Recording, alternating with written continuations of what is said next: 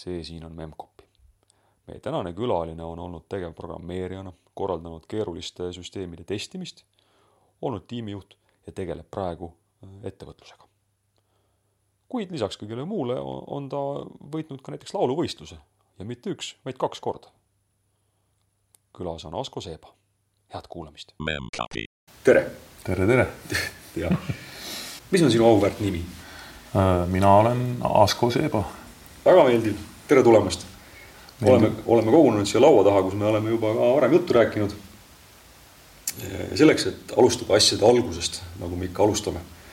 kuidas jõudsid arvutid sinu juurde ja sina arvutite juurde, kuidas see kõik pihta hakkas mm? -hmm okei okay,, siis ma ilmselt peaks rääkima sellest, et, et ma käisin, noh, ma elasin oma teadliku lapsepõlve Viljandimaal. okei okay ma olin sealt Viljandist Riiamaalt pidi natukene välja sõita, mingi linnapiirist viis-kuus kilomeetrit ja ma käisin sealsamas linnaservas äh, Karl Robert Jakobsoni nimelises Viljandi esimeses keskkoolis, selline oli tema nõukogudeaegne nimi. Äh, hiljem oli ta Jakobsoni gümnaasium ja nüüd peale riigigümnaasiumite tegemist äh, gümnaasium enam ei ole. on ainult põhikool sellest Jakobsoni kooli nime all. aga arvutit nii jõudsin ma sealsamas koolis, meil oli selline tore arvutiõpetaja nagu Heiki Pettai kes vist isegi praegugi on kusagil IT äh, vallas tegutsev, küll enam, ammu enam mitte õpetajana, aga, aga, aga noh, rohkem niisuguse spetsialistina. ja siis meil oli, ma arvan, et ma olin kusagil kas äh, neljandas või viiendas klassis, ma, äh, ma teadsin, et mul naabripoiss käib seal arvutiringis, kusagil oli üks mingisugune naabripoiss Toomas Aas, kes kah praegu on üks, üks kõvemaid arendajaid tarkvarafirmas ma teadsin, et mu naabripoiss seal käis, ta oli sellest rääkinud, noh, mul oli, minu teadmised arvutist olid roh-, sellised hästi niisugused äh, lapselikud, kuskilt telekast olin näinud, et mingisuguses äh, lastesaates näidati mingisugust arvutit ja tehti midagi naljakat sellega, aga noh, ma ei osanud sellest nagu tollel hetkel midagi arvata. Äh, ta oli, jäi minu jaoks nagu kaugeks teemaks. aga ühel, aga see moment, kui mul see klõps käis, oli niisugune hästi ootamatu ja hästi lühike, niisugune enam-vähem sekundite moment oli see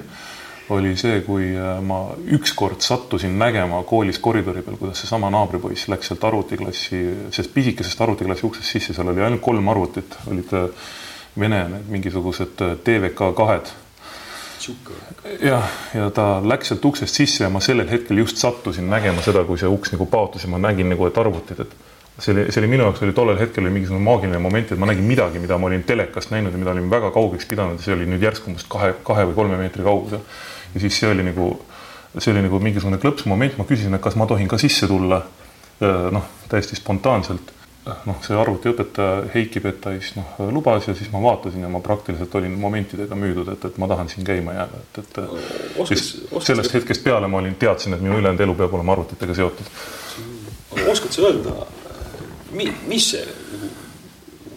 mis see maagiline asi oli, mis, mis nagu no eks ta niisugune mingisugune noh, mis, mis see lapsel võis, lapsel võis olla, et sa, et sa näed mingisugust äh, lahedat asja, millest sa aru ei saa, aga see sisaldab hästi palju, noh, need tolleaegsed arvutid, nad olid natukene rohkem sellised äh, noh, inglise keeles hea, hea väljend on exposed või noh, füüsiliselt mm -hmm. rohkem nagu avatud ka, et sa näed seal igast keerulisi asju, juhtmeid ja värgid ja trükiplaadid ja möllud ja ja see nagu noh, äh, tolleaegne poiss, nagu ma olin, niisugused Äh, igasugused mehhanismid ja tehnikad ja asjad nagu äh, oma, oma, oma selles koledas ilus ka alati köitsid ja see oli ka sihuke. mis aasta see oli, see oli mingi kaheksakümnendate keskel äh,? mis ma siis võisin olla, neljas-viies klass, kusagil kaheksakümmend ütleme kaheksakümmend kaks ma läksin esimesse klassi, sealt loeme, ütleme üks mingi neli-viis aastat edasi, siis kuskil kaheksakümmend kuus, seitse jah, et äh, mingi no, päris... mingi, mingi selline aeg umbes. Võrus ei olnud neid, neid arvuteid, Võrus tekkisid hiljem natukene Agatid nimelised arvutid uh. -huh, uh -huh et teil pidi olema ikkagi siis mingisugune millegi poolest siis nagu eriline kool, et te ikkagi suutsite arvuti välja rääkida või oli õpetaja selline? noh, Heiki Pettai, ta oli suhteliselt noh, ta oli noor õpetaja, kui ta meie kooli tuli, ta tuli vist otse äh, Tartu Ülikoolist mm -hmm. ja tal oli, äh, tal olid ilmselt, ma, ma täpselt ei tea, ma lihtsalt spekuleerin noh, hilisemate mingite vihjete asjade järgi, et, et tal olid mingisugused äh, suhteliselt niisugused aktiivsed suhted või sidemed olid nagu jätkuvalt nende Tartu Ülikooli aegse mingisuguse kontaktivõrguga, Viljo Sooga ta suhtles aktiivselt okay., nii palju kui ma tean ja ja noh, midagi ei ole, et sealt, sealt kuskilt võis mingit infot liikuda ja ta lihtsalt võis olla õigel ajal õiges kohas, et sai, sai nagu sinna Viljandi kooli ka midagi ja. kas neid, kas neid arvuteid kasutati seal mingiks õppeks ka või ainult puhas nagu arvutiring, kus kolme arvuti peal, kus sa õpetad seal? no jah, see ta, ta tagantjärgi mõeldes ta nägi küll hästi selline noh äh,, improviseeritud värk välja küll, sest seal oli Äh, seal ürit-, ta üritas läbi viia ka mingisuguseid tunde seal mingisuguste keskkooli õpilastega, need olid nagu jagatud mingiteks väikesteks rühmadeks, sest noh, sinna sellesse ruumi ei mahtunud palju nagu sisse ja siis ne, mida seal siis nagu valdavalt tehti see, kuna nendel, nendel TVK kahtedel oli, oli ette nähtud, et nendel oli olemas graafikakaardi slott, aga seda graafikakaarti seal ühelgi sees ei olnud, siis see oli ainult tekstipõhine režiim, mis seal jooksis. ja, ja siis äh, sisuliselt, mida tehti, siis tehti noh, äh, lapsed harjutasid, kuidas ASCII graafikas mingisugust pilti joonistada mingisuguse tekstiredaktoriga no,, noole, nooleklahvidega sõitis seal ringi ja siis vahet, vajutas mingeid sümboleid ja joonistas mingisugust pilti ja asju ja siis õpetaja pani mingeid hindeid selle eest, et et äh, need olid niisugused, ütleme, sellised lihtsamad asjad, mida seal need lapsed tegid, aga, aga, aga, aga, aga siis mõned, tal olid seal tekkinud ka juba paar ägedamat mingisugust niisugust häkkerimat äh, last kah, kellest äh, ma mäletan, ma üritan praegu nimesid ette manada, kas, kas Ivar Smolin oli juba seal olemas või ta tuli natukene hiljem, siis kui see klass sinna kuhugi äh, sellesse kutsekasse kolis ja, ja noh, seal oli noh, sealt kerkis mingitel aast-, mingite järgnevate aastate jooksul kerkis teisi teisi inimesi ka, keda me täna teame nagu Janek Hiis ja ja, ja äh, Kaido Kärner on äh, sealt pärit ja et Oho. Äh, siis Äh, mul on paar inimest veel silme ees, keda ma üritan nime praegu esile manada, aga mul ei tule kohe, et, et seal, keda, kes nagu kah tänapäeval praegusel ajal jooksevad siin-seal läbi, et, et. aga kuidas sinu jaoks see oli, kas see, kas sina joonistasid ka seal pilte või millega sina seal tegelesid? Äh, no alguses ega ma ka muud teha ei osanud, mul oli lihtsalt põnev, et sai nagu arvutit katsuda ja sai midagi teha sellega, et, et, et jube äge, et, et ma klõbistan seal klaviatuuri, eks ole, ekraani peal toimub selle peale midagi, et see oli nagu, see oli nagu noh niisugune äh, püha emotsioon, et, et, et mille, mille nimel tasus seal istuda ja kannatlikult järjekorras oodata, siis äh, vahepeal, vahepeal äh, aeg-ajalt mingitel momentidel, kui seal rahvast vähem oli, siis, siis kas siis õpetaja ise või ka siis mõni edumeelsem õpilane teadis, kus kohas mingisuguse flopi ketta peal mingid mängud asusid, et siis sai seal mingi, mingisugust äh, Äh, rottide nimelist mängu mängida ja mingisugust, äh, mis oli sisuliselt Bachmanni äh, imitatsioon ja, ja, ja siis oli mingi, mingi Snake jooksis kusagil, kusagilt flopi pealt ja et, et vahepeal sai nagu mängida ka, see oli, aga noh, õpetaja üritas seda mängimist, mängimise fooni muidugi loomulikult natuke alla suruda, et, et, et see oli nagu rohkem nagu preemia millegi eest, kui midagi asjalikku ka ära tegid, et, et. no mis asjalik oli, koodi kirjutasid juba siis? no mõned siuksed ägedamad vennad seal juba kirjutasid koodi ka jah, seal oli paar, paar siukest asjalikumat tõesti Äh, ma ise tollel hetkel TVK kahe peal veel koodi kirjutamiseni ei jõudnud, seal oli noh, selleks oli, selleks, et koodi kirjutama hakata, oli ikkagi vaja natukene rohkem niisugust vabamat aega ja niisugune, kui see parasjagu seal seda laste rüselemist seal liiga palju ei olnud ja et, et, et sa saad seal süveneda ja siis need, kes ütleme, käisid sealtsamast Männimäelt kusagilt ja said seal hilja õhtutel hilisematel õhtutundidel istuda, need olid selles mõttes natuke eelised, mina olin kusagil linnast väljas, ma pidin bussigraafikuga arvestama ja, ja. niisama, niisama kakla taha katsuma minna. jah, et niisama lihtsalt seal hängida mingi poole hi, hilja õhtuni seal ei, ei õnnestunud. Äh, koodimiseni ma jõudsin äh, aastakese või paar äh,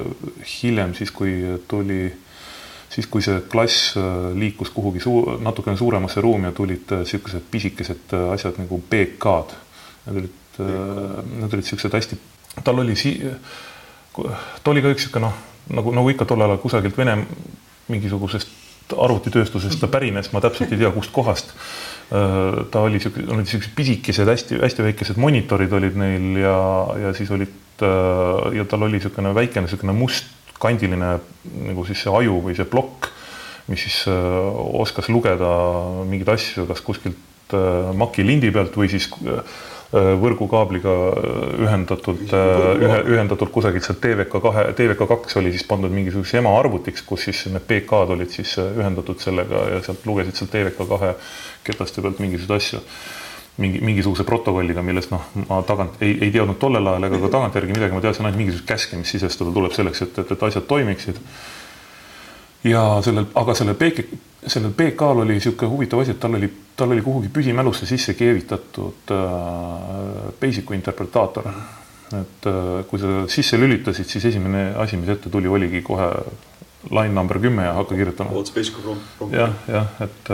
et, et sai sisuliselt nagu interaktiivselt äh, Basicu käske kirjutada ja sealt oli, sealt ma hakkasin reaalselt esimest korda siis nagu koodi kirjutama, et. Äh, mis need esimesed programmid tegid umbeski? Äh, noh, mis seal, mis ta seal, mis see kõige esimene programm ikka põnevat teeb ühel, ühel mingisugusel teismelisel koolipoisil kõigepealt on, ma täpselt ei mäleta, mis see Basicu käsk oli, aga kõigepealt oli mingisugune käsk, mis printis ekraanile midagi toredat nagu näiteks loll või midagi sellist. Äh, ja siis oli teine käsk oli, see oli, see oli käsk number kümme ja siis järgmine rida oli käsk number kakskümmend, mille peal oli siis go to kümme. jah, vot see, see on, on, on kaks mustrit, on kas see muster või teine muster on see, kui ma panen ta ruutvõrrandit lahendama. et see puhul ma automatiseerin oma kodutöö ära selle, sellega jah, jah. et see oli jah, selline, selline tore lõpmatu tsükli harjutus, aga, aga noh, sellele kiiresti järgnesid igasugused muud näpuharjutused kah, et, et näiteks pan-, seal oli juba graafika oli olemas, et sai jooni kuvada ekraanile ja sai, siis sai esimesed tsükli harjutused olid see, kus sai see joon kuidagi liikuma pandud ekraani ühest servast teise ja noh, mingid sellised. pidi joonistama selle, ei olnud mitte lihtsalt, et sa paned joone liikuma, vaid sa pidid eelmise joone nagu mustaga üle joonistama ja siis ja, kohta et.... jah, just, just seal oli, sealt hakkas vaikselt see algoritm, see see on selles mõttes nagu päris huvitav asi, et see sund, sundis nagu lapse aju algoritmiliselt mõtlema, et sa kõik vead paistsid kohe välja, kus sa valesti olid midagi mõelnud. kas see õpetus tuli nagu see programmeerimise õpetus, see, et Koto kümme läheb esimese kümne, kümnenda rea peale tagasi. kas see õpetus tuli rohkem nagu õpetaja käest või oli kuskil raamatus või kust see tuli? See tuli pigem kellegi käest kogu aeg, et, et äh, ega me seal lastena väga ei viitsinud mingisuguseid manuaale või asju lugeda, et, et aeg-ajalt näidati küll, et näed, loe sealt, aga vaatad küll äh,, need tekstid olid reeglina mingid venekeelsed ja nii edasi. et noh, vaatad sihuke nagu natukene siukse tuima näoga nagu ahvkirjutusmasinat ja siis ikka lähed küsid naabripoisi käest, et kuule, kuidas sa seda tegid, et, et, et noh, mõningaid asju näitas õpetaja, mõningaid asju näitas mõni teine targem laps, kes seal kõrval oli. Äh, noh, niimoodi killuke siit ja sealt niimoodi muudkui korjas seda, seda üles, et. aga ja see jätkuvalt oli seal nagu huvitav käia, et ei läinud nagu see esimene see nagu ja. tunne, et vau, see ei läinud üle. ei, see üle ei läinud jah, see, see sihuke niisugune psühholoogiline sõltuv, sõltuvus nii-öelda,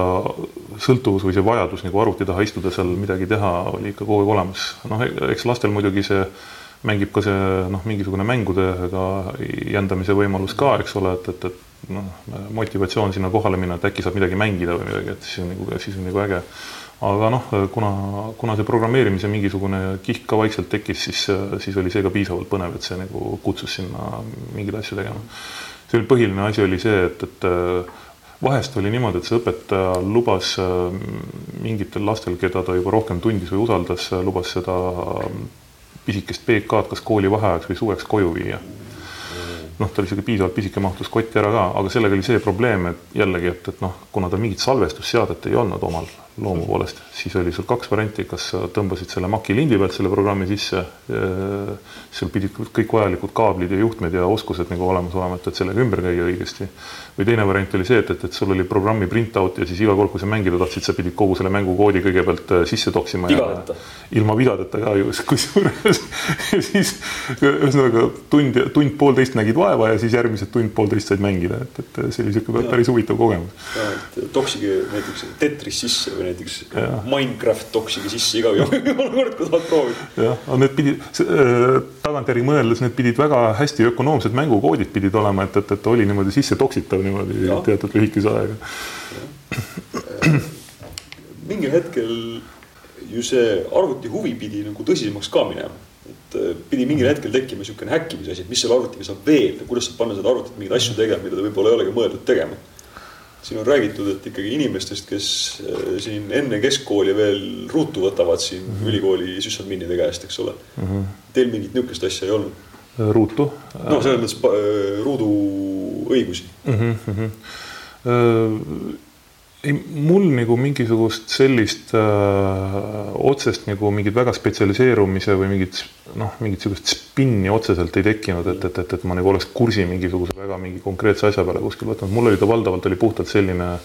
ma noh, ma olen elu, eluaeg olnud tarkvaraarendaja, et, et, et ma ei ole nagu väga läinud kuhugi mingisuguseid riistasid häkkima ega, ega, ega mingit sihukest asja. aga huvi ei ole pakkunud? Noh, eks mingisugune uudishimust nagu vahest nagu äh, mingeid uudishimus ähvatusi on, aga,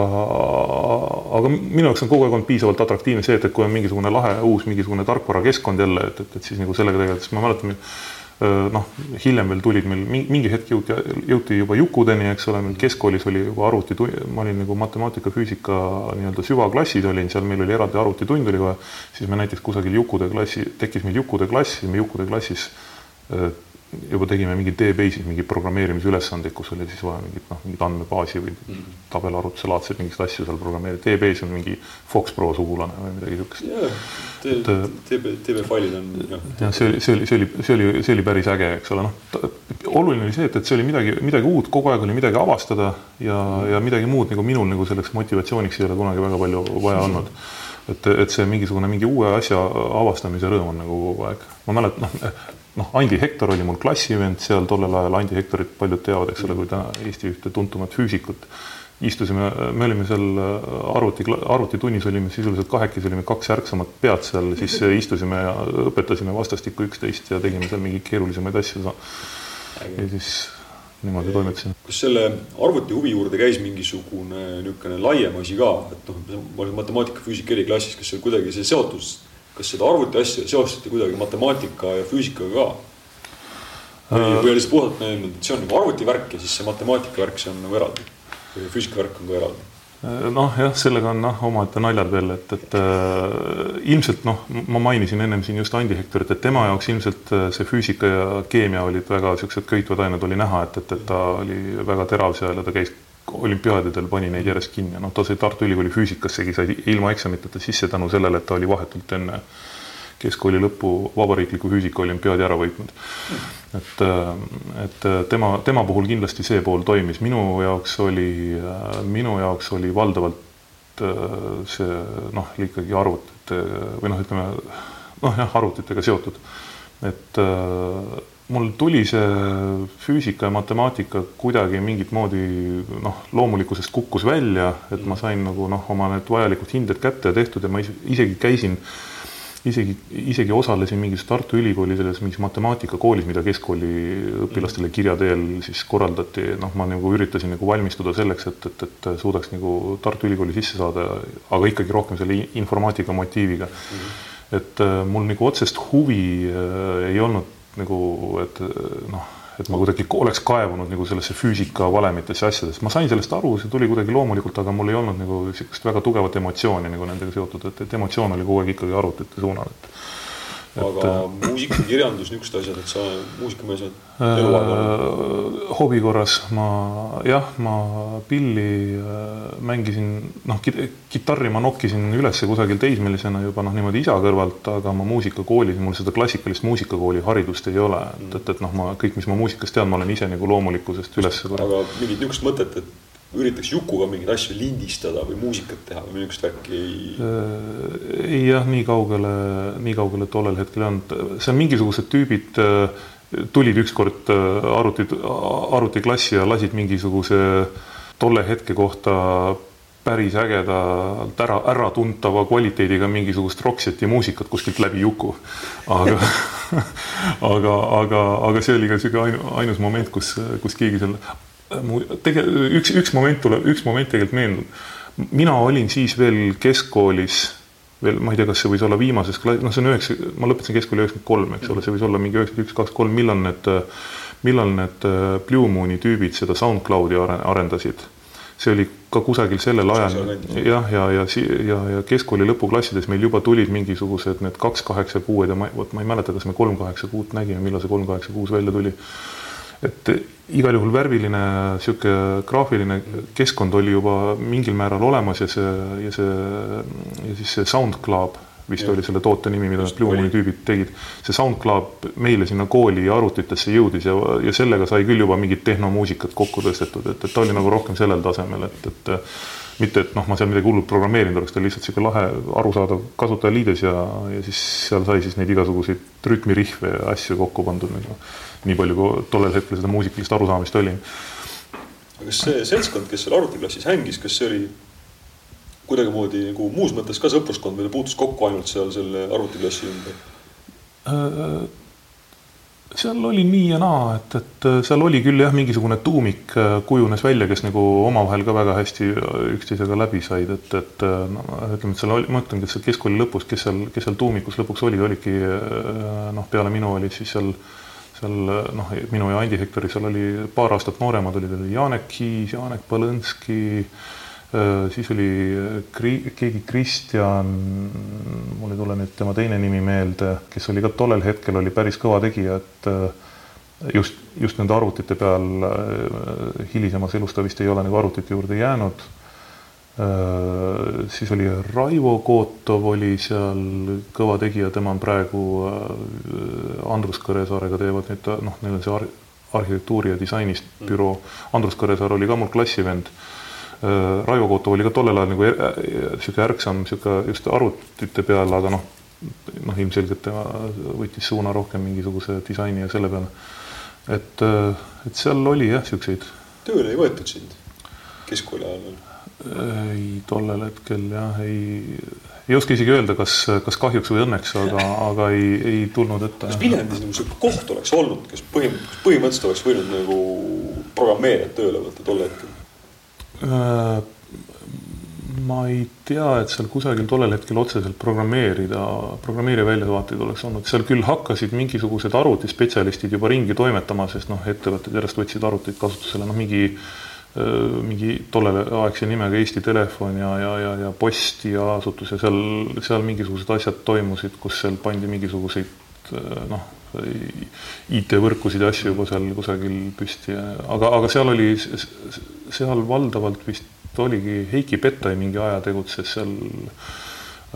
koordineeris seal neid asju, neid kohti, et, et seal väga palju ei olnud, ütleme niimoodi, et ega, ega seal ei oleks ilmselt väga palju võimalusi olnud, võib-olla kusagile mingeid andmeid sisestada, toksida, niisuguse andmesisestajaks oleks hea, heal juhul kusagile saanud, aga mis oleks võib-olla keskkooliõpilase jaoks noh, okei okay olnud. sa oled vähemalt arvuti, arvutiaega, eks ju. just, just, et, et vahepeal teed selle kõrvalt võib-olla midagi muud ka põnevat. ja siis, kui sa lõpetasid keskkooli ära, siis äh, joonelt matemaatikasse? Äh, jah, Tartu Ülikooli, et äh, noh, kuna ma olin kooli ajal, ma olin niisugune, ma kuhu noh, mingi maani ma olin niisugune igasuguste noh, õppeedukuse ja hinnete seisu poolest ma olin ikka suhteliselt vloh, et, et, et, et mul oli niisugune nibin-nabin oli see Tartu Ülikooli sissesaamine. aga, aga õnneks tolle, too oli üks madalaima konkurentsiga aastaid et ma sain Tartu Ülikooli sisse niimoodi, et ma olin, ma olin selle esialgses pingereas, ma olin joone peal täpselt viimane nagu, kes kes, kes, kes sisse sai ja noh, seal siis olid veel sisseastumiseksamid olid, et, et noh, see oli mingi kombinatsioon sisseastumiseksami hinnetest ja vist lõpuhinnetest või kuidagi niimoodi ta seal oli. et, et, et sain sisse ära, mul oli niisugune jess emotsioon ja siis sealt edasi siis hakkas juba kogu see ülikooli aeg elu. seal vahepeal oli mingisugune kummaline periood oli, kus Nõukogude sõjavägi ja Vene armee läks nagu Eesti armeeks üle, sa armees ei käinud? jah, ma sattusin, see aken oli hästi lühike ja ma sattusin täpselt sellesse aknasse niimoodi, et Äh, et, et äh, ma sain ülikooli sisse üheksakümmend kolm ja noh, nõu-, nõu-, nõukaaegne see armee kord oli juba noh, ära lagunenud, eks ole, sinna enam ei võetud juba mõned aastad. aga, aga siis Eestis see üldine sõjaväekohustus kehtestatigi üheksakümmend kolm sügisel, et ma olin suvel olin sisse saanud ja süvi, sügisel juba kehtestati ja kõik need, kes enne seda hetke olid ülikooli sisse saanud, need olid justkui nagu äh, vabad eeldusel, et nad ülikooli ära lõpetavad, et, et enne seda kehtis teine reegel, mis ütles, et, et mis oli ka üldine kohustus, aga, aga ta oli nagu ülikooli saanutele oli, oli vabastus, kes, kes nagu ära lõpet-, kes, kes, kes nii-öelda plaanijärgselt lõpetavad. mina, mina pääsesin ära puhtalt tervisega, aga ma teadsin, et ega keegi, keegi ei käinud seal ja sõjaväes, see oli naljakas hakkama. tol, tollel hetkel, kusjuures mul oli isegi endal oli see suhtumine selline, et, et mul oleks täitsa okei okay olnud minna, et, et noh, ma to,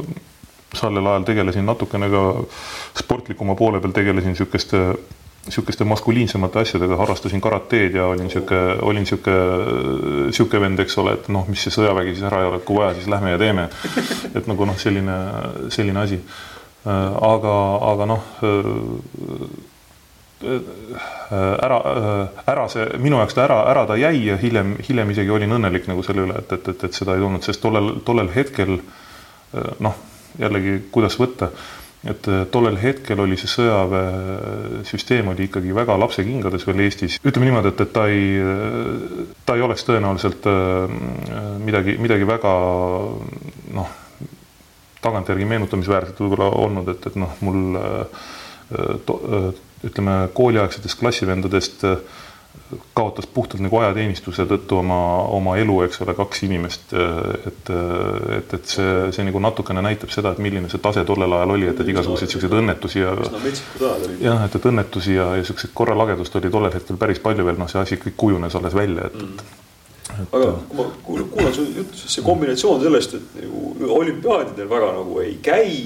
teeks nagu ägedat sporti, aga samas nagu programmeeriks nagu, nagu silm punkas peas, et see ei, ei olnud nagu väga tavapärane kombinatsioon. jah, me neid asju, millega ma tegelesin, oli tegelikult paralleelselt oli mitu, et, et, et, et ma kuidagi, mul neid asju nagu millega, millega nagu hakkama ei oleks saanud, oli, oli mitmeid ja selles mõttes ta oli võib-olla isegi natukene, natukene tegi, tegi nagu otsustamist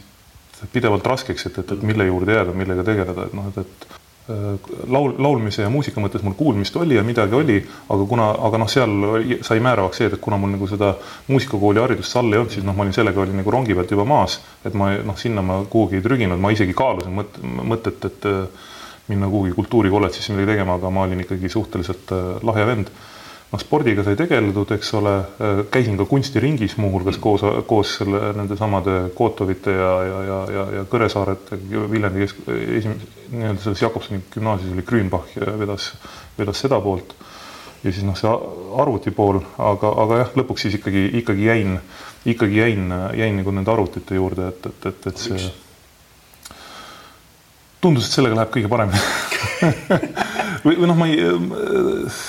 ilm, ilmselt need teised asjad ei, teised asjad ei jäänud nii, motivatsiooni mõttes ilmselt need teised asjad ei, ei kinnistunud nii tugevalt, võib-olla ütleme niimoodi, et see arvuti oli moti-, arvutiga seotud motivatsioonid või motiivid olid kõige tugevamini kinnistunud okay., et ja siis me astusime koos sinuga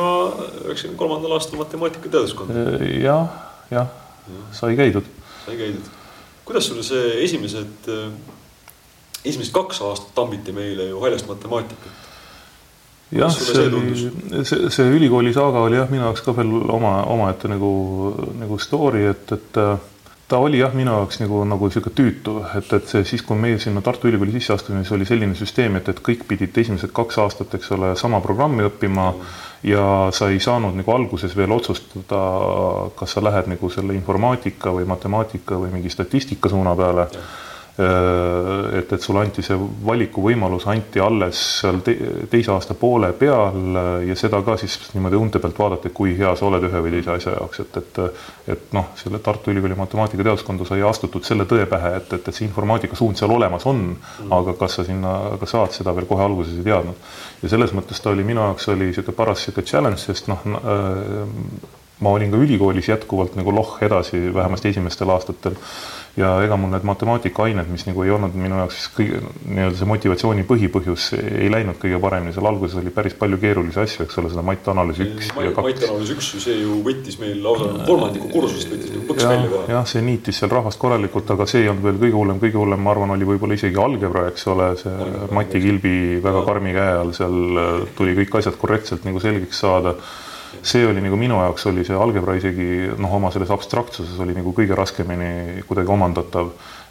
mattloogika, mis oli kah justkui folk, tollel ajal levinud folkloori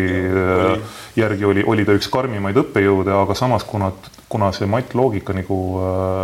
oma mõttemudeli poolest haakus programmeerimisega palju paremini, siis see mul tuli kuidagi lihtsasti, et, et minul. ta oli naljakas, oligi see Rein Prank teda õpetas ja ega ta keeruline ei olnud aga teda peeti nagu raskeks aineks et.... ilmselt ta mingite inimeste jaoks oli keeruline, aga, aga noh, meie ja, programmeerijate jaoks tuli, tuli, tuli ta kuidagi loomulikumana. ma mäletan seda, et Vanemuise tänava õppehoones olid äh, need laiad aknalauad, kus peal istuti. sest kuskil mujal ei olnud istuda ja kuna seal peal istuti, siis seda, neid värviti regulaarselt üle. aga ükskõik kui palju neid ka üle ei värvitud, siis alati oli kuskile kratsitud, prank on loll see oli alati meil oli, meil oli reba, reba, rebaste vandes oli, kas sa mäletad, lause oli sees, see oli palju, eks ole, lauseid, eks ole, mida ma kõike tõotan, eks ole, ja siis üks lause, mis meil rebaste vandes oli sees, oli see, et, et tõotan prangile kõik eksamid ära teha hiljemalt seitsmendal katsel jah, paljudega ka see nii, nii ka, nii ka läks Il,. ilmselt jah ja,. see on, aga see on omaette juba Tartu Ülikooli folkloori, folkloori asi, aga jätkuvalt sa siis, sul oli see programmeerija värk oli niimoodi nagu silma ees, et sa ikkagi nagu ja. sellest algebrast asjadest läbi rullisid. et noh, ma öö, kuidagi lohistasin ennast nendest läbi, aga mul oli, mul oli sellega selles mõttes nagu kriisimoment oli olemas küll, et, et, et ma olin tegelikult suhteliselt väljakukkumise äärel seal selle, selle, nende matemaatika asjade tõttu, et ma kuna nagu see mat-, matemaatika, puhas matemaatika mind väga ei motiveerinud, mind rohkem motiveeris kogu see arvuti ja, ja programmeerimise teema, siis ma suurema osa ajast, oma ülikooli ajast ma veetsin seal arvutuskeskuses seal kuskil noh, me kõik teame, eks ole, selles nõndanimetatud Väksu klassis, mis oli niisugune see tolleaegse nimega WASQ.ee serveri mingid terminalid olid, VT100 terminalid, mis olid ühendatud ühe, ühe VAX VMS-i süsteemi taga ja siis sealt me saime, sain, saime, seal ma arvan, ma sain oma esimesed suuremad niisugused kõik programmeerimise tuleristsed. seal ma avastasin enda jaoks tollel hetkel suhteliselt niisuguse nii-öelda on the dark side maailma, mis oli siis nii-öelda need mudamängud, äh, mis olid nagu esimesed niisugused äh, interneti, üheksakümnendate esimese poole siis internetipõhised mingid arvutimängud, virtuaalsed maailmad, kus ei olnud midagi graafilist, oli, kõik oli nagu tekstipõhine, kusagil jooksis mingisugune server, kuhu siis Telnetiga võeti ühendust ja seal maailmas käis mingisugune möll ja tagaajamine ja, ja, ja mingite quest'ide lahendamine. ja ma jõudsin nagu suhteliselt kiiresti selleni, et, et ma sattusin ise mingisuguse ühe sellise mänguserveri programmeerimise meeskonda okay.. et sealt ma, sealt ma põhimõtteliselt sain oma kõige esimese tugeva niisuguse C-keelse programmeerimise kogemuse, sest noh, vaata mäng on oma olemuselt seesmiselt tegelikult päris keeruline, elukas, see noh, mäng, mängumootor peab seesmiselt maailma mudeldama, seal on kõik asjad, kogu see noh, tuhandete viisi igasuguseid ruume ja liste ja mm. asju, seal on nagu seda algoritmikat on üksjagu, kuidas sa kõike struktureerid. ja ta oli minu jaoks oli tollel hetkel üks esimesi tõsisemaid niisuguseid programmeerimise kogemusi. aga selleks hetkeks sa pidid siis siit juba oskama? Äh, noh, äh, ma olin nagu äh, nuus, ülikooli ütleme nende loengutes, meil oli programmeerimist õpetati Pascali baasil, eks ole, nagu sa mäletad. ja selle ma korjasin nagu suhteliselt kergesti üles, ta oli niisugune hea niisugune tüpiseeritud keel ja hästi, teda enam-vähem okeilt õpetati ka, et, et oli lihtne ja arusaadav aga siis noh, see kusagil kripeldas, et mingid vennad panevad siid, et, et, et, et, et ikka häirib, eks ole, et, et ei saa ja siis ma ostsin mingisuguse eestikeelse siia-õpiku, mis oli nagu täiesti arusaamatu minu ta oli nii halvasti koostatud, ma, ma tagantjärgi arvan, et, et see ei olnud nagu kõige parem. Äh, ma ei mäleta täpselt, äh, mis see pealkiri ja, ja, ja mis ta täpselt oli, niisugune kollase-punase kujundusega mingisugune kaantega raamat oli. seal hakati kohe selle asemel, et panna esimeses peatükis, kuidas Hello World'i teha, hakati kohe esimeses peatükis mingisugust äh, Äh, mingisugust äh, mingi, mingi, mingisugust jah, byte, byte'i alignment'i hakati kohe arutama seal, et, et mõtlesin, et nagu come on, et mis otsast pihta hakata. ja aga siis ma, siis ma tabasin, mingi hetk jõudis minuni info, et, et, et et, et, et Kerningami ja Richi see. Programming in C language on ka hea raamat et otse, otse siigkeele autoritelt ja siis ma kuskilt ma os, tellisin selle või sain selle omale, ostsin selle omale ära. Neid liikus kuidagi naljakalt, minu meelest Venemaal trükiti nagu piraadina, ta oli ingliskeelne, aga Venemaal trükiti. mina, mina sain, mina sain mingisuguse täiesti legitiimse raamatu, et, et ma ei, mul ei olnud mingi kuskil mingi piraaditud mingisugune väljatrükk või midagi, mul oli, mul on, mul on see vist siiamaani riiulis alles täiesti ilus, korrektne raamat on äh, lihtsalt praegu, praeguseks muidugi väsinud ja kapsaks muutunud, on natuke teibitud, aga aga, aga, aga see oli nagu metoodilises mõttes oli see nagu hea raamat, et, et, et ta hakkas jah, nagu lihtsatest asjadest pihta ja läks lõpuks nagu hardcore'iks välja ära, et ma, ma nagu noh, neelasin selle raamatu läbi, tegin kõik harjutused selle jutiga läbi, ma, ma sealt ma sain omale siigkeele reaalselt selgeks. et see, see raamat on, ütleme, kui, kui, kui, kui üritada näppu peale panna raamatule, mis on mu tänast karjääri kõige rohkem mõjutanud, siis, siis see on see et äh, ja sealt äh, ja noh, ütleme selle raamatu, selle raamatu ma olin ennem ühesõnaga läbi protsessinud, kui ma selle mängu programmiseni jõudsin ja siis see, see mänguga tegelemine oli juba selline noh. see mängu tollesse mutta vajus ikkagi meil ka kursa pealt nagu mitu inimest, need ei väljunudki sealt maksuklassist? seal mõned jah, ma ütleks isegi niimoodi, et, et, et äh, rohkem vajus sinna, ütleme aasta vanemaid, kes, et, et see, see muda oli nagu tulnud nagu aasta enne seda, kui meie sisse, sisse astusime, et, et see oligi umbes enam-vähem täpselt see aeg, kui internet tuli, siis tuli ta, tuli ta ka koos oma Äh, paari pahega ja see oli üks peamisi, eks ole, mingi, mingid inimesed nagu sattusid selle, sellesse mängusse nii haaras. sinul ei olnud seda? Äh, mul oli see lühikest perioodi, mingi paar kuud, aga, aga, aga siis mul see suhteliselt ruttu konverteerus selleks programmeerimise äh, entusiasmiks. kas too tiim, kes seda serverit kirjutas, oli Eestis või välismaal? Selle noh, sellest mu, mudast oli hästi palju erinevaid nagu versioone arendatud, kõik olid tolle aja mingid vabavaraliste litsentsidega olid nad avatud koodiga, neid sai kusagilt FTP saitidest sai erinevaid versioone tõmmata. Ja siis noh, nendest oli igasuguseid erinevaid fork'e arenes siin ja seal erinevate tiimide käes ja, ja siis meie käes oli üks mingi tolla, noh, kui seda, seda fork'ide hierarhiat joonistada, siis kõige, üks kuulsamaid ja levinumaid äh, juurfork'e oli mingisugune tikumuud, sellest oli omakorda mingisugune haru oli, oli, oli merk, millest oli omakorda mingi alamharu oli või fork haru oli mingi romm ja siis see ja siis, ja siis üks meie Äh, noh, äh, Raul Tölp oli siis, kes, kes võttis selle ühe mingi ROM-i põhise äh, mingi versiooni ja hakkas ühte Eesti oma mingit Estonia nimelist asja nagu sellest arendama ja vot siis tolle tolle versiooniga siis mina liitusin mingi hetk ja siis sai seal seda maailma seal edasi arendatud ja kohendatud ja vigu parandatud ja, ja igast asju tehtud. too oli ju selles mõttes huvitav kogemus, et erinevalt nagu tavalisest nagu programmeerimise praktikast, mis me ülikoolis õpetati see oli nagu meeskonnas töö, eks ole. Jah, seal oli juba kuidagi see spontaanne meeskonna element tuli juba sisse, see mees, alguses hakkas pihta sellest, et noh, noh mängumaailmas, eks ole, laiem meeskond oli see, kes seda mängumaailma seal kirjeldas, noh, seal oli hästi palju neid maailmafaile, kõik need ruumid ja kole, kollid ja pro, need moop-progid ja kõik igast äh, propsid ja asjad, mis seal sees kõik elavad. et see oli nagu see pool, aga siis jah, kes juba koodi, äh, kes siis niisugused ägedamad koodivennad olid, need siis said nagu, läksid nagu järjest rohkem sinna koodi sisse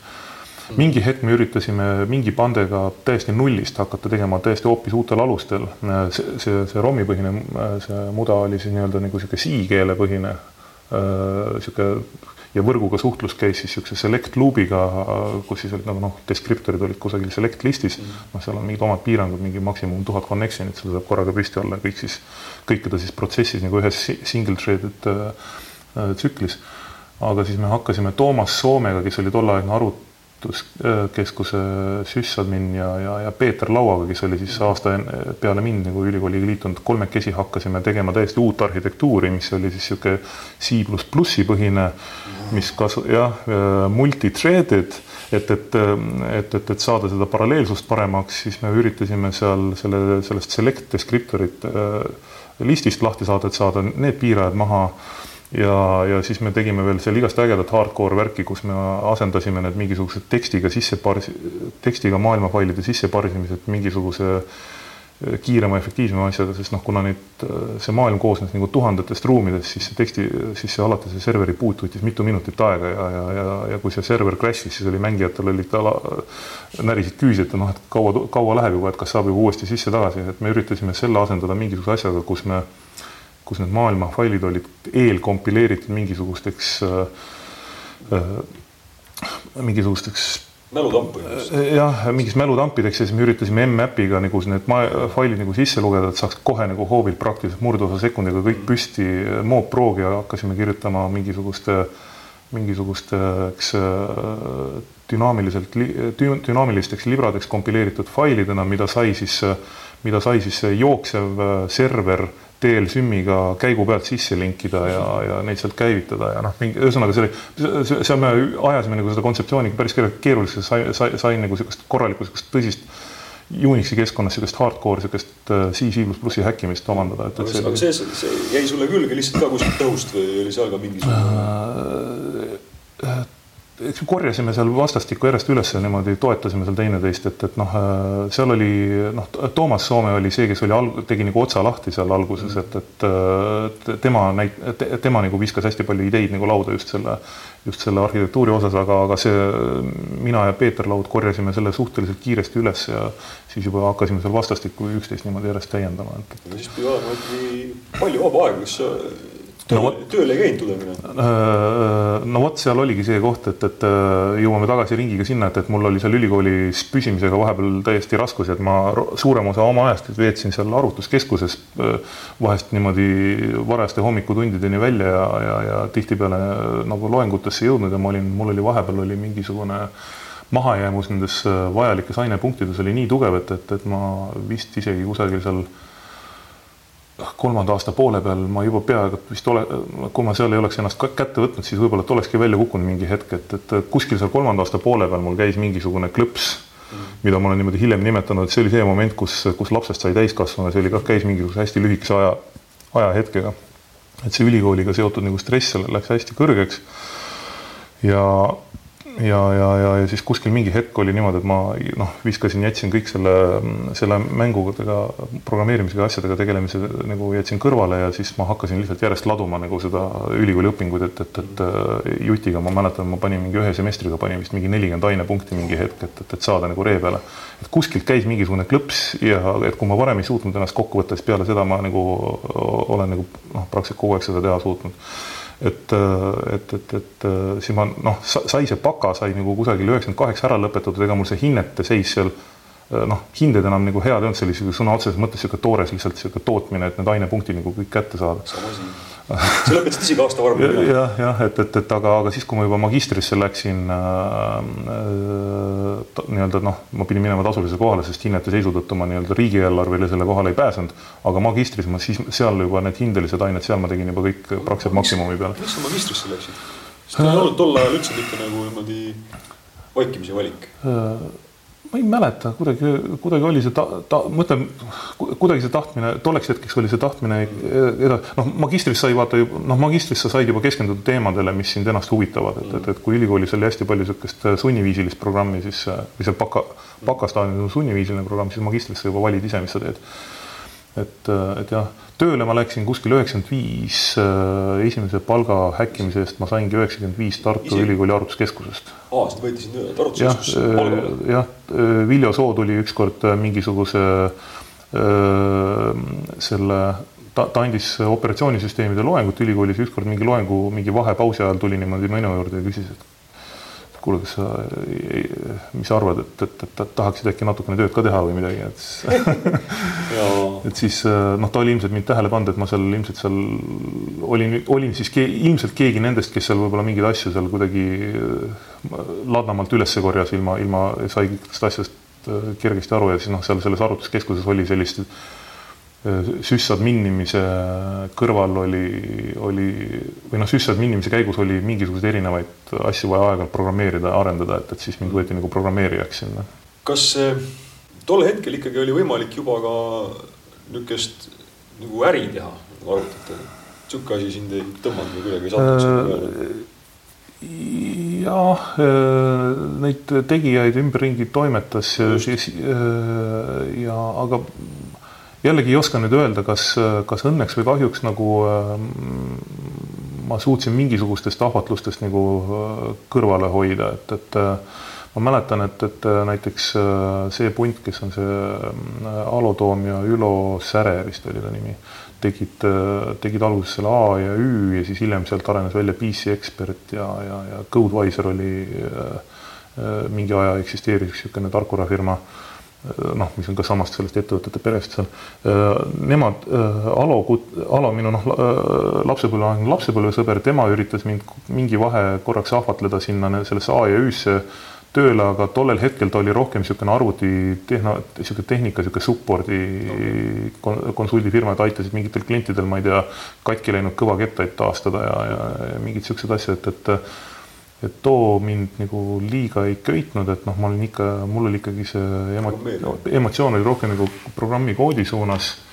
siis ma korraks, äh, korraks üritati mind äh, mingisuguse meditsiini vallas tegutsevasse Atfuti meelitada, kus töötas papa Pruulmann, Jaan Pruulmann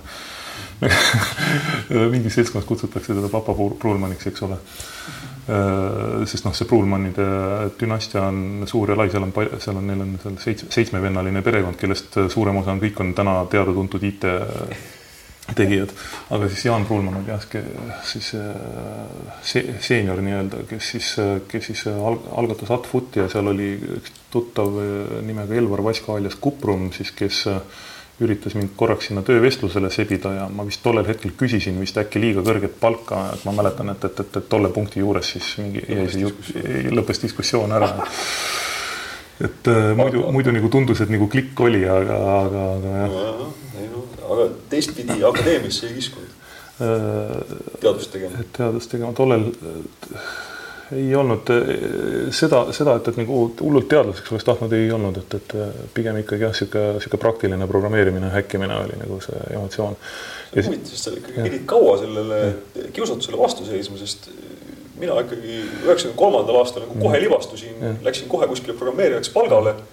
ja nagu sajandi lõpuks olin, olin juba nagu Tallinnasse jõudnud mingisuguseid nagu asju ehitama, eks ole. aga sina, aga sina olid tolle, tolle ajani olid seal arvutuskeskuses. Ütleme jah, et, et seal selle, selle mängu ümber tekkis aeg-ajalt mingisuguseid unistusi, et, et, et, et, et võib-olla õnnestub selle noh, seal tiimiga aeg-ajalt sai ka arutatud, et, et võib-olla õnnestub sellest mängust midagi, midagi kommertsiaalsemat välja arendada ja neid mingisuguseid äh, mõtteid ja brainstorm'e nagu selles vallas käis, aga, aga ilmselt, ilmselt me ei olnud kuidagi, me ei saanud ilmselt kuidagi seda seda, seda, seda tervikpilti piisavalt hästi kokku, et, et, et see oleks noh, et kogu tiimis see püsivus sees oleks olnud, et, et, et, et see kuhugi välja viiks. et jah, ma ütleme niimoodi, et ma ei, ma oma seda karjääri jah, pigem ettevõtjana ei alustanud, et, et ma olin niisugune ikkagi palgatööline, et, et kõigepealt oli see Tartu Ülikooli arvutuskeskus, siis sealt ma läksin vahetult enne baka lõppu, see oli siis üheksakümmend kaheksa, ma läksin talvel, läksin Promeedi, mis äh, just samal kevadel liitus äh, Magnum Medicaliga, millest sai hiljem Magnum Promed, noh, ehk siis ma olen natukene kau-, kaudselt paar kuud olnud äh, seotud ka täna palju kõneainet pakkuva Margus Linnamäe tegutsemise algusaegadega. Äh, aga seal ma olin mingisugune, aga selle, selle, selle ühinemise käigus seal kohe ka see Promeedi poolne seltskond nagu koondati kõik, et, et, et ma sain, ma sain jube hästi mugava paketi, et, et, et ma läksin sinna, sain paar kuud sisulist tööd teha ja siis siis tuli koondamisteade, mis tolle aja reeglite järgi tähendas seda, et, et, et kui koondatakse rohkem kui kakskümmend inimest, siis on nelja kuu rahad. Ja polnud, polnud paha, ma sain ilusti mõnusalt äh, oma selle baka lõpu kõik ära teha niimoodi, et, et, et ei olnud nagu väga palju vaja muretseda äh, laua peale leiva saamise pärast ja siis äh, suvel ma läksin siis suvel ma läksin, läksin siis Medisofti tööle, mis teeb, tegeleb, noh, tänaseni tegeleb raviasutuste infosüsteemide arendusega, tollel hetkel oli valdavaks arenduskeskkonnaks oli seal Portlandi Delfi Äh, mis äh, noh, nii-öelda ülikooli algusaegadest pärit tuttava Pascali keele põhjal, aga noh, täiesti uus nagu graafiline keskkond, hästi mõnus äh, desktopi rakenduste tegemiseks, jube äge igatepidi, seal oli siis valdavalt siis nii-öelda desktopi rakenduste ja siis andmebaasi, andmebaaside kokkupanemise teema oli. ja, ja seal ma, ja mul oli veel niimoodi, et mul oli laual oli veel paar varianti, alternatiivi, et kuhu tööle minna, et, et, et ma mäletan huvi, tagantjärgi veel isegi mõtlen, et, et, et et, et see on iseenesest huvitav otsus, mis ma tegin, et, et ma ei, võib-olla oleks mu elu täna teistsugune, kui ma oleks teisipidi otsuseid teinud, mul oli laual oli paar varianti, oli, oli see, et üks oli seesamane Medisoft ja teine oli, teine oli siis mingi, ma ei mäleta, mis see ettevõtte nimi oli, aga see oli see punt, kus äh, meie sõbrad äh, Rene Prillop ja Muts ja nemad toimetasid, kelle, see oli see tuumik, kellest, kes hiljem nagu ka Eesti-poolset Playtechi otsa nagu asutasid ja tegid. Et äh, seal nagu nad pakkusid nagu kõrgemat palka, aga, aga kuidagi see, see, ma olin tollel hetkel nagu, olin nagu alalhoidlikkusele kalduv ja siis mulle tundus see Medisofti pakkumine, ta oli küll madalama palgaga, tundus, et see on nagu natukene siuksed äh, vanemad mehed ja siuksed kindlama meelega ja stabiilsemad asjad, et, et, et ma läksin nagu sinna peale ja siis ma olin aasta aega olin seal, mis oli hästi, mis oli alguses oli hästi huvitav, sest ma iga päev õppisin kogu aeg midagi uut. noh, mul on kogu aeg see millegi uue saamise motivatsioon. -hmm aga see, see läks nagu, see sai nagu ütleme, seal, seal ma olin aasta aega olin ära. ja, ja, ja siis, siis see, see oli siis kaheksakümmend üheksa suvest alates siis kuni üheksakümmend üheksa suveni, kui siis, kui siis mind kutsuti Küberisse tööle, et, et, et sealt Küberist hakkasid siis juba teistsugused story'd. edasi on juba, edasi, edasi algab juba ajalugu. jah, et, et seal on nüüd ütleme, niisugused hakkavad niisugused naljakamad ja põnevamad story'd, mis võib-olla tänapäevaga rohkem haagivad, et, et et äh, noh, küberis ma sattusin täpselt sellesse äh, kuuma momenti, kui seal oli parasjagu see põhituumik veel oli veel seal koos, need Tarvi Martens ja Arne Ansper ja, ja noh, äh, Viljar Tulit ja Monika Oit ja kõik nad olid seal, kõik nad olid seal, see oli just see hetk, kui parasjagu visioneeriti kõiki neid igasuguseid digidokke ja, ja asju, et, et see oli nagu hästi huvitav aeg oli küberis, et, et, et mul noh, väga põnev, seal oli Ahto Puldas, Helger Lippmaa, Jan Villemson, kogu see krüptoteadlaste kamp oli, oli seal, eks ole. Meelis Roos, Peeter Laud oli tolleks hetkeks seal, Ville Hallik oli tolleks hetkeks seal. noh, järjest kõik on tuntud, tuntud korüfeed, see oli niisugune ajutrust oli seal koos et äh, ja siis ma sattusin esimese hooga sattusingi kohe mingi programmeerima jällegi C pluss plussis mingi kusagil Visual Studios mingisugust, äh, mingisugust digidoki, mingisugust klienti, äh, mingi prototüüp klienti või mingit visiooni klienti, eks, eks ole ja, ja tollel hetkel siis visioneeriti neid igasugu, teadlased leiutasid neid ajatemplite linkimise skeeme räsiahelate otsas ja, ja, ja seal te, arendati seda digitaalse notari kontseptsiooni ja kõik see asi. noh, see, see kõik oli selline asi, mille kohta me tollel hetkel veel ei teadnud, seda hakati kümme kümme aastat hiljem mingisuguseks blockchain'iks nimetama ja see on ka põhjus, mispärast äh, siin paar aastat tagasi, äh, paar aastat tagasi, vaat noh, iga natukese aja tagant keegi tuleb jälle mingi uue teooriaga välja, et kes on Satoshi Nakamoto, et seda ikka, seda Satoshit ikka otsitakse, et kes see oli, kes selle blockchain'i leiutas, siis paar aastat tagasi tuli, keegi tuli kusagilt USA-st, mingisugune jurist tuli teooriaga välja, et Helger Lippmaa oli see. et meil on nagu oma, oma nii-öelda Satoshi Nakamoto on ka olemas. võib-olla sina, äkki sina? jumal teab, eks ole. jah, Ahto Puldaselt võeti ka selle jutu peale intervjuu, temaga ütles, et põhimõtteliselt me kõik oleks võinud seal olla Satoshi Nakamoto. nagu noh, muigas ka selle jutu peale. mis ta muud jäi. et äh,. aga jääme korra üheksakümnendate juurde, ärme sinna küberisse lähme, sest seal tõepoolest on muud legendaarsed lood uh -huh.. võib-olla kunagi räägime nendest ka. tegelikult ju peaks. mis ma tahan üheksakümnendate kohta veel küsida, oli see, kuidas, kuidas sul selle arvuti ja muu maailma nagu tasakaalustamisega oli, et seal ju käis päris nagu änksa seltsielu ka nagu selle matemaatika-teaduskonna mm -hmm. ja mhm. selle nagu arvutuskeskuse ümber. palju sa seal nagu toimetasid ja mis, mis seltskonnaga sa seal läbi käisid? no see arvutuskeskus oligi jah, siis see koht, kus ikka äh, seal ööde viisi mingi seltskond koos istus ja tegid oma, toimetasid oma asju, et, et noh, äh, noh, üks mingisugune äh, püsiv ja stabiilne kaader olid needsamased mängijad, kes neid igast neid multi-user dungeon ehk siis muda, mudamänge mängisid, mingisugune seltskond olid seal, kes seal lihtsalt mingites tolleaegsetes varajastes jutukates istusid ja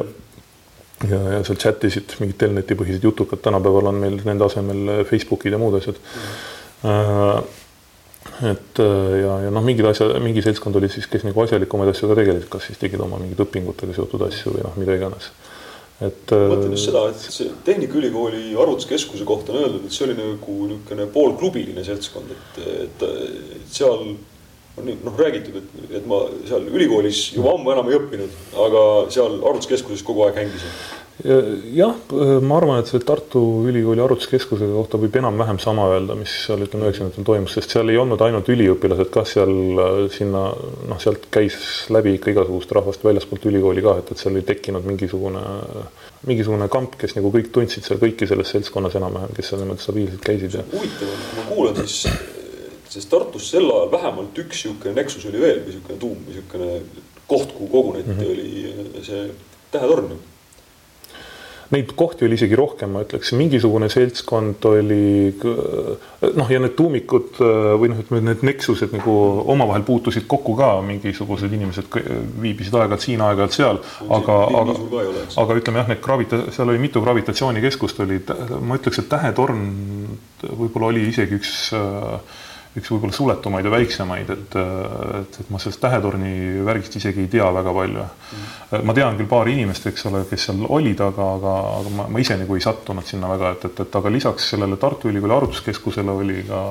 oli ka füüsikahoone mm, -hmm. kus mingisugune aja pikalt, eks ole, Ville Hallik seal adminis ja Ville Hallik ja Otto Teller olid seal nagu juhatasid seal vägesid, hoidsid asju kontrolli all. aga noh, siis oli seal mingi punt oli, kes seal käisid, siis kas noh, füüsikud ise, eks ole, ja ma tean, et mingid sotsiaalteaduskonna tudengid oli seal stabiilselt istumas ja nii edasi. ja siis oli mingisugune äh, gravitatsioonikeskus oli kusagil äh, seal äh, ülikooli peahoone kõrval äh, kunagine see Marksu maja, seal all ja. oli mingisugune, mingisugune punkt, kus, kus, kus ma ise ka mingi, mingi periood üpris tihti viibisin mm. -hmm ja siis keemiahoone all oli ka veel, aga see oli minu arust mingi lühemat aega või niisugune natukene niisugune ebamäärasem, et, et kui, kui, kui palju ta seltskond seal arvutuskeskuses matemaatikud olid, sest on ka meenutatud seda, et noh, ka Anne Villems oma esimesed legendaarsed webmasterite kursused tegid, siis, siis seal käis ikka igasugust rahvast, psühholooge ja, ja religiooni inimesi ja igasugust rahvast, eks ole. sinna sattus jah. Ma neid, ütleme niimoodi, et et ma väga, noh, ma tean üksikuid inimesi, eks ole te,, teistest teaduskondadest ma tean üksikuid inimesi, et ma nagu noh, sellist statistilist pilti anda ei oska, et, et, et, et, et, et noh, kuna arvutuskeskus oli noh, ta ja see, see ini, nii-öelda see see palgaline kaader, kes seal opereeris, oli valdavalt ikkagi nagu selle matemaatika, informaatika teaduskonnaga tihedalt seos, siis noh, see paratamatult oli see, selle teaduskonna tudengkond oli seal ka kõige rohkem esindatud mm. -hmm aga, aga seal oli jah, ma näiteks noh, võib-olla praegustest jällegi tuntud nimedest võib-olla Jaanus Lillenberg, kes äh, on praegu vist ERR-is äh, juhib äh, IT-arenduse vägesid, tema oli tollel, teda ma mäletan, ta oli mingi periood oli seal hästi aktiivne küla, külaline, eks ole, ja tema, ma ei tea, teaduskondlik taust vist oli ka kusagilt mujalt. mujalt ühesõnaga jah, et ta ei olnud nagu IT-vallast. olid ajad mm. -hmm. aga mis sa praegu teed? praegu, praegu olen äh, ettevõtja ma just hakkasin mõtlema, et kui kaua juba, see on ikka pealt ikka kümne aasta juba. Äh, jah, ütleme selliseks selge, selgelt ettevõtjaks ma sain vist peale, peale Skype'i, eks ole mm., et, et äh, enne seda olid nagu aeg-ajalt olid mingisugused unistused ja video, visioonid ja mingisugused projektilaadsed eksperimendid, aga reaalselt nagu, reaalselt esimese OÜ asetasin oma väriseva käega paar kuud enne seda, kui ma Skype'ist lahkusin, et see oli kaks tuhat seitse äh, september, äh, kui sa vaatad äriregistrisse, siis see on mu-, äh, see ongi Moon Cascade'i registreerimise kirje, mis on siis tänane ettevõte, millega ma ise kõige rohkem ka seotud olen. Äh, peale Skype'i sai, äh, siis kui ma Skype'ist lahkusin, noh, mul oli see Moongaski divisioon oli, tekkis tollel hetkel juba, aga nii kui ma Skype'ist lahkusin, siis äh, eestlastest Skype'i asutajate punt, Ambient Sound Investmenti seltskond, nad, nad kutsusid mind kohe jutule, sest neil oli parasjagu käsil oli, oli üks mingisugune inkubaatorilaadne eksperiment, kus neil seal mingi neli erinevat projekti jooksid, jooksid, siis nad kutsusid mind ühte nendest projektidest vedama ja kuna seal oli äh,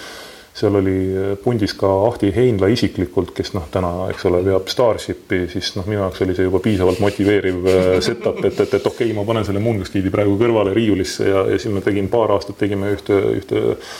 niisugust ähm, suhteliselt jõhkrat andmekaeve laadset äh, projekti, mis noh, äriliselt lõpuks ikkagi lendu ei läinud, see sai ära konserveeritud ja siis, siis sai uuesti